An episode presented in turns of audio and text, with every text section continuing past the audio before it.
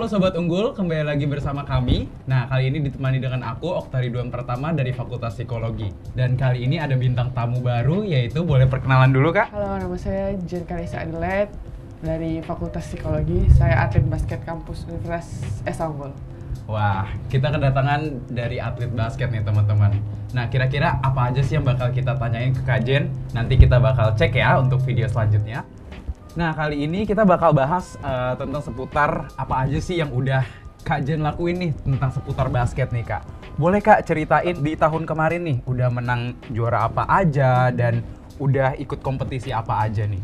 Oke, okay, um, awalnya Esa Unggul pertama kali juara itu di Malang. Oke. Okay. Iya, itu pertama kali juara itu senior seniornya yang bawa pertama kali juara Esa Unggul setelah enam tahun. Akhirnya juara Terus tahun kedua kita juara lagi di oh enggak, pertama di di Bandung. Bandung. Ya, terus kedua kita juara lagi uh, double double di mana? Di Malang. Terus yang ketiga itu trip trip tripit ya, tiga kali juara nasional di Surabaya itu. Oke. Tahun 2018. Mulanya dari itu ya. Yep. Nah, untuk Kak Jen sendiri ikut kompetisinya yang mana nih? Uh, untuk aku sih fokusnya pasti di kampus ya, hmm. main buat Swans basketball itu di um, di lima. Tapi uh, kalau lagi lagi off off season lima, aku ikut um, klub gitu, ada klub dari Jakarta juga. Okay. Tapi pelatihnya sama dari pelatih. Pelatihnya masih sama ya, gitu ya. juga. Nah, ngomong-ngomong nih, katanya Kajen juga menang sebagai juara M MVP, benar nggak nih? Iya, iya. Wah, boleh nih kak diceritain gimana sih bisa menang juara MVP? Um, Sebenarnya MVP itu bonus sih ya. Soalnya kayak kalau nggak ada teman-teman yang hebat nggak bisa jadi hebat juga. Jadi kayak karena ada tim saya bisa dapat itu sih achieve itu ya. dan pastinya kalau ada achieve pasti ada proses juga di situ. Benar. Nah prosesnya gimana nih kak? Latihan setiap hari setiap jam apa gimana nih? Oh, latihannya setiap hari dari Senin sampai Jumat pokoknya Senin sampai Jumat? Iya setiap hari wow. dari dari kita juga harus nyimbangin juga sama kuliah. Jadi kayak selesai latihan pokoknya langsung cabut kuliah kayak gitu sih jadi kayak uh, kalau kita kan student atlet ya okay. jadi kayak harus benar-benar nyimbangin sih biar dua-duanya jalan kayak gitu sih oh berarti manage time-nya harus banget ketat banget benar, gitu ya benar, benar, harus. nah kalau perihal dari uh, tadi kan kita udah bahas tentang basketnya sama perkuliahannya nih. Yep. Nah kalau misalkan sama keseharian nih, emang nggak bosen gitu kak basket terus? Um, bosen? Enggak sih mungkin karena ada passion kali ya. Jadi kayak kerjaan emang udah jadi kayak ini hidup aja. Jadi kayak emang harus dijalanin gitu. Dan karena basket juga saya aku bisa kuliah. Jadi kayak kapan lagi ada uh, sesuatu hal yang membantu meringankan. Aku beasiswa juga kan oh, beasiswa dari basket. juga. ya jadi kayak ya istilahnya kalau latihan tuh emang udah kewajiban karena dari basket ini aku dapat beasiswa itu emang udah wajib deh aku jalanin. Oke, berarti memang udah salah satu kewajiban. Yep. Pendidikan harus jalan, basket juga jalan. Yep, benar-benar. Oke. Nah, tadi kan kita udah ngomongin prosesnya, udah ngomongin pendidikan KJ dan udah ngomongin juga tentang dari basketnya KJ nih official ya. Yep.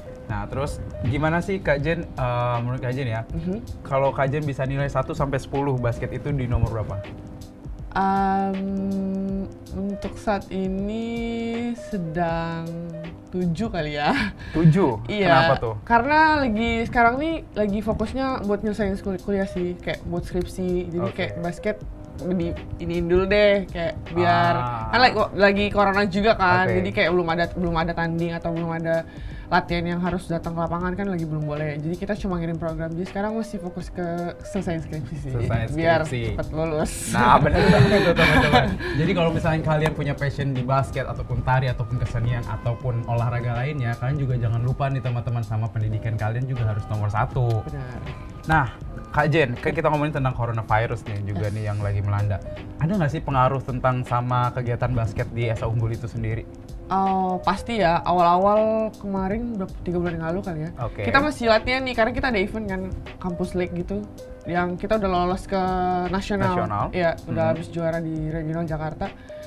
Uh, awal-awal belum PSBB kita masih latihan tapi latihannya udah yang kayak berjarak gitu deh nggak boleh ah, bersentuhan apa sama okay. sekali akhirnya sampai gubernur ngeluarin statement kalau kita nggak boleh uh, sama sekali berkumpul ya itu akhirnya kita ada hmm, sebulan kali ya kita nggak bisa latihan bener-bener off akhirnya sebulan kemudian dapat info kalau kita dapat program jadi kita punya program setiap hari harus dijalanin gitu Oke. dikirim dari coach kayak hari ini lakuin ini ini ini, ini. terus terus kayak di video tapi sendiri sendiri buat Oh, personal Unik juga ya. Iya, jadi tetap harus stay fit kali ya, kayak stay, Hmm. tetap harus jaga kondisi. Buat ntar kalau kelar kan nggak mungkin kan langsung digumpor, jadi kayak iya benar-benar. setiap hari tetap ada latihan, sengaja buat keringat lah, buat biar sehat aja gitu di masa Iya, ini, betul, bener betul, gak sih? betul.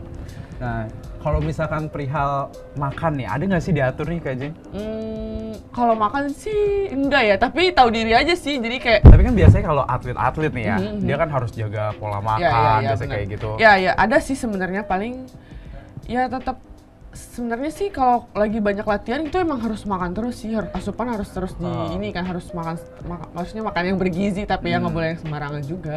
Cuma tergantung orang kali ya.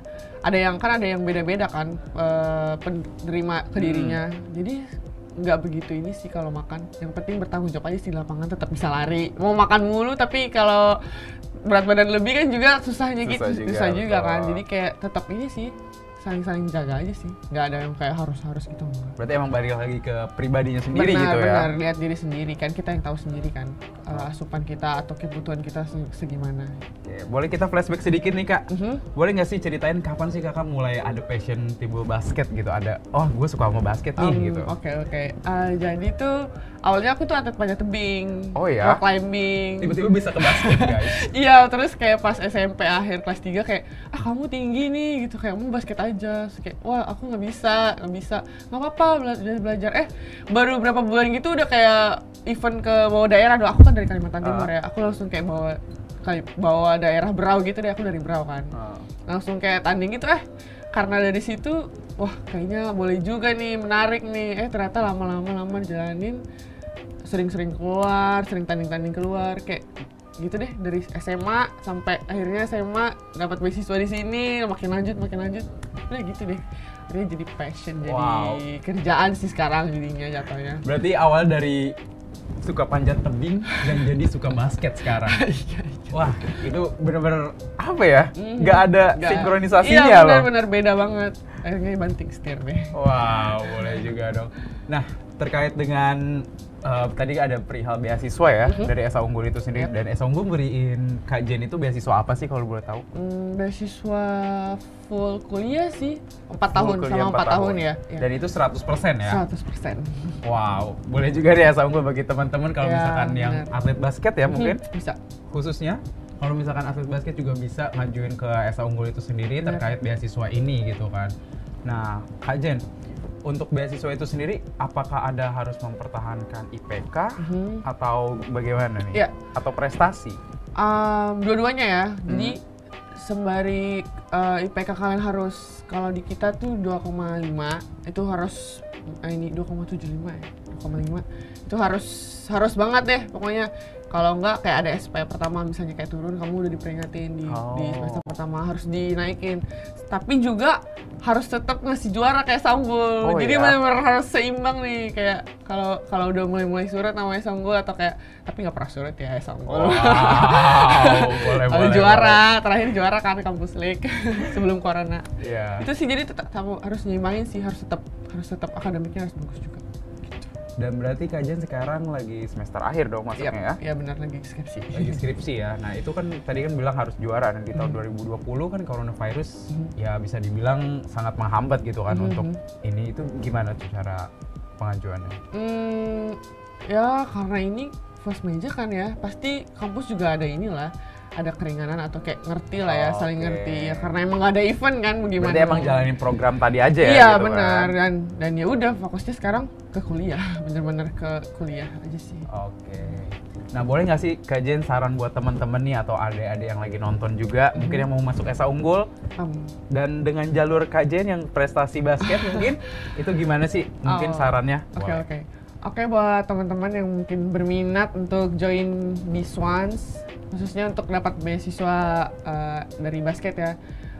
Terus-terus giat latihan, tapi juga tetap harus akademiknya dibagusin gitu sih.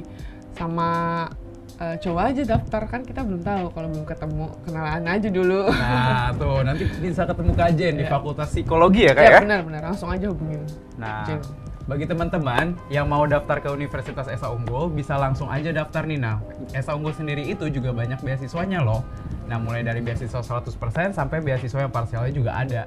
Oke, tadi kita udah bahas tentang perihal basket, tentang perihal pendidikan. Nah, sekarang kita mau bahas tentang perihal pendidikan yang di rumah nih Kak Jen. Oh, oke. Nah, itu kan pasti kakak juga ngerasain ya. Dan Mhm. apalagi sekarang kakak lagi ngejalanin skripsi. Mhm, Itu gimana sih menurut Kak Jen? Apakah lebih sulitkah? Hmm. Lebih mudahkah? mhm. Am, jadi awalnya waktu udah mulai ini ya pa- pandemi ini aku, balik ke Kalimantan. Oke. Iya. Aku masih ada mata kuliah juga kan yang harus Mhm. diambil.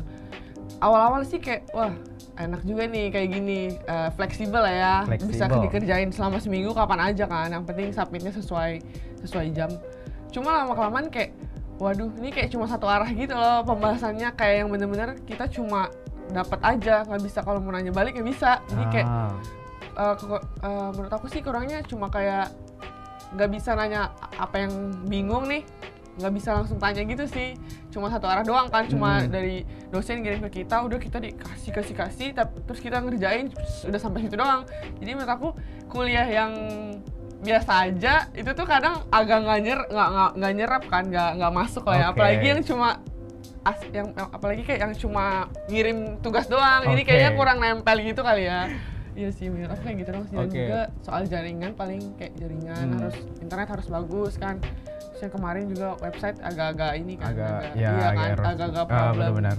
paling itu doang sih karena satu arah doang. Jadinya kurang bisa nanya atau kayak gimana secara langsung. Mungkin ke depannya zoom lebih enak kali ya Zoom ya? iya kalau emang harus online kayaknya zoom lebih bisa tanya jawab nggak sih di Benar situ benar benar. iya nggak sih Bisa dua arah gitu iya ya bisa jadi dua ya. arah ya bener yang lainnya juga gitu sih aku dengar dari teman-teman yang lain Oke. kesulitannya Berarti kalau dari kajian sendiri lebih suka kuliah yang langsung datang ke Esa Unggul atau kuliah online nih? kuliah langsung dong kuliah Iya. langsung. Nah, eh, sebenarnya kalau misalkan dari lihat kakak kayak kemarin lagi habis sidang itu kan, Iya. eh, itu ada sidang langsung, bener nggak sih kalau dari Fakultas Psikologi? Oh iya ada langsung langsung kalau dari fakultas sih kemarin yang sidang proposal langsung. Mm-mm. Cuma bimbingannya kali ya, Bimbingannya bimbingannya, kan tetap- jarang ketemu kan. Iya, benar, benar, benar. Jadi bimbingannya via online, via email itu kayak agak agak gimana gitu deh, kayak kurang kurang aja gitu eh, buat penulisan skripsi kita. Cuma Hmm. Udah bagus sih, cuma agak kurang enak aja sih kalau nggak ngomong kayak langsung gitu Benar. interaksi sama pembimbing kita. Gitu doang sih. Tapi menurut kajian positifnya apa sih kalau di balik kuliah online ini? Hmm, positivity. Fleksibilitas kali ya. Fleksibilitas. Lebih iya lebih lebih ya mobile aja, bisa kerja di mana aja, kapan kapan aja. Asal Oke. asal tepat waktu ya sih ngirimnya. Itu sih fleksibel menurut aku. Oke, berarti kajian ini baru balik dari Kalimantan, benar? Iya, em, dua bulan yang lalu deh. Oh dua bulan yang lalu. iya. Oke, berarti pas uh, lagi masa-masa PSBB udah di sini. Iya udah di sini. Ya, masih ada, masih, tapi yang masih awal-awal buat SIKM gitu deh masih agak-agak susah masuk Jakarta harus ngurus apa-apa gitu. Karena aku ada skripsian kan di sini. Ah, nggak nggak enak juga mau terus mau nonton sidang juga harus datang kan Harus datang, iya harus datang psikologi harus Iya, kan iya. gitu sih jadi emang harus ke kampus harus balik harus balik lagi gitu Iya, ya harus berarti. banget. Nah, uh, kemarin kan peri- uh, perihal PSBB juga lah, udah di sini gitu kan. Hmm. Apa sih sulitnya masa-masa transisi PSBB itu sendiri? oh iya jadi pas aku bilang aku harus balik sini ke orang tua aku Mm-hmm. ada banyak sih yang aku harus urus kayak harus rapid test harus Oke. buat surat izin jadi aku kayak submit gitu ke ininya Jak Evo Jakarta ini Jakarta, Iya, aku harus ngurus submit gitu deh banyak dokumen harus ke kelurahan ke eh, ke RT bener-bener harus Benar-benar harus effort iya, banget ya. effort banget dan udah harus tes rapid, tes rapid dulu. Pokoknya banyak deh yang harus di submit supaya di approve akhirnya aku nge-approve hari Jumat. Besokannya udah diterima sih dapat email untungnya. Yang aku Oh. dengar katanya susah kan. Iya, iya, Tapi benar. sebenarnya nggak sesusah itu buat dapetin surat izin keluar masuk Jakarta enggak. Asalkan surat-suratnya lengkap udah sih. Gampang. Yang penting suratnya lengkap, dokumen Iya, lengkap, benar. semuanya itu. sehat dan semuanya pasti sehat ya, teman-teman. Iya, tidak terpapar apa pun gitu sih. Eh, dan juga kalau misalkan eh, perihal dari PSBB ini sendiri ngapain aja sih kajian di Mhm. ngekos atau gimana nih Iya, di sini? ngekos. Ya? Iya. Ngapain aja sih di kosan? Hmm, untuk sekarang yang nggak begitu pas selama PSBB kemarin Ah, nggak yang pengen ke pengen ke mall juga enggak sih lagi Enggak ya? lagi kayak nggak pengen aja menghindari juga kan ya daripada kita Hmm. nyari-nyari ya paling di kawasan ngajak-ngajak teman kayak yang teman-teman yang kita udah kenal ya udah sering Hmm. main buat atau enggak ngajakin sahabat aku buat skripsi bareng ya Oke. soalnya aku kan sama nih ininya pembahasannya sama dia terus apa lagi olahraga bareng biasanya bareng. kadang kita juga masih kok main kok di kampus di ini tapi cuma satu apa dua tiga orang udah nggak boleh lebih kan sama Oh. security ya kadang syuting syuting buat buat ya buat ini aja sih biar tetap fit Tetap aja fit gitu juga ya. bener Daripada diem di rumah gitu kan bener ya? daripada di rumah doang tapi emang anjurannya kan emang di, di rumah aja Di rumah kan aja. namanya. cuma kadang-kadang bosan gak sih apalagi di kosan doang kayak yang cuma mandang itu doang Iya, kayak iya, iya, jadi iya. kadang-kadang sih paling kita ininya ke basket lagi sih emang bener buat buat refreshingnya ke basket lagi gitu sih Nah, untuk skripsi sendiri kan juga harus banyak referensi gitu ya, Kak Jen ya. Mhm. Ya itu gimana sih cari referensinya kan perpustakaan sendiri kan lagi tutup Iya, ya iya, masa-masa pandemi kayak gini ya. kemarin sempet sebelum ini sempat datang ke ini aku sama sahabat aku sempat ke, ke kampus masih bisa yang kayak cari-nyari gitu deh masih Oh, boleh masuk masih oke, boleh oke. pakai fasilitas masih boleh pakai komputer eh pas kita datang lagi Uh-uh. beberapa kali oh maaf udah nggak boleh ini udah ditutup ternyata Oh. agak agak agak ini sih loh kok kok sekarang masalahnya padahal kan kemarin tuh lebih happening gak Lebih sih hap- iya. karena sekarang kan udah mulai mulai Udah, longgar uh. nih kenapa sekarang malah ditutup gitu aja sih kayak wah tapi paling banyak sih paling cari jurnal online Mm-mm. kita terus kayak ya banyak sih sebenarnya referensi di ini ya di ini sama buku-buku dari teman-teman yang udah lulus sih itu membantu Oh. banget sih teman-teman yang lagi ngerjain skripsi paling bagi-bagi jurnal lah ya kalau Hmm. sama variabelnya gitu gitu sih Nah, untuk skripsi sendiri penelitiannya gimana nih Kak Jen? Apakah tetap online atau Hmm, gimana? sejauh ini kayaknya online ya berkuesioner online kali ya berkuesioner Iya. online ya? cuma lagi belum sampai situ lagi oh, lagi nyusun nih masih proses tiga, gitu iya, ya? proses nih. Oke. doain aja ya Oke.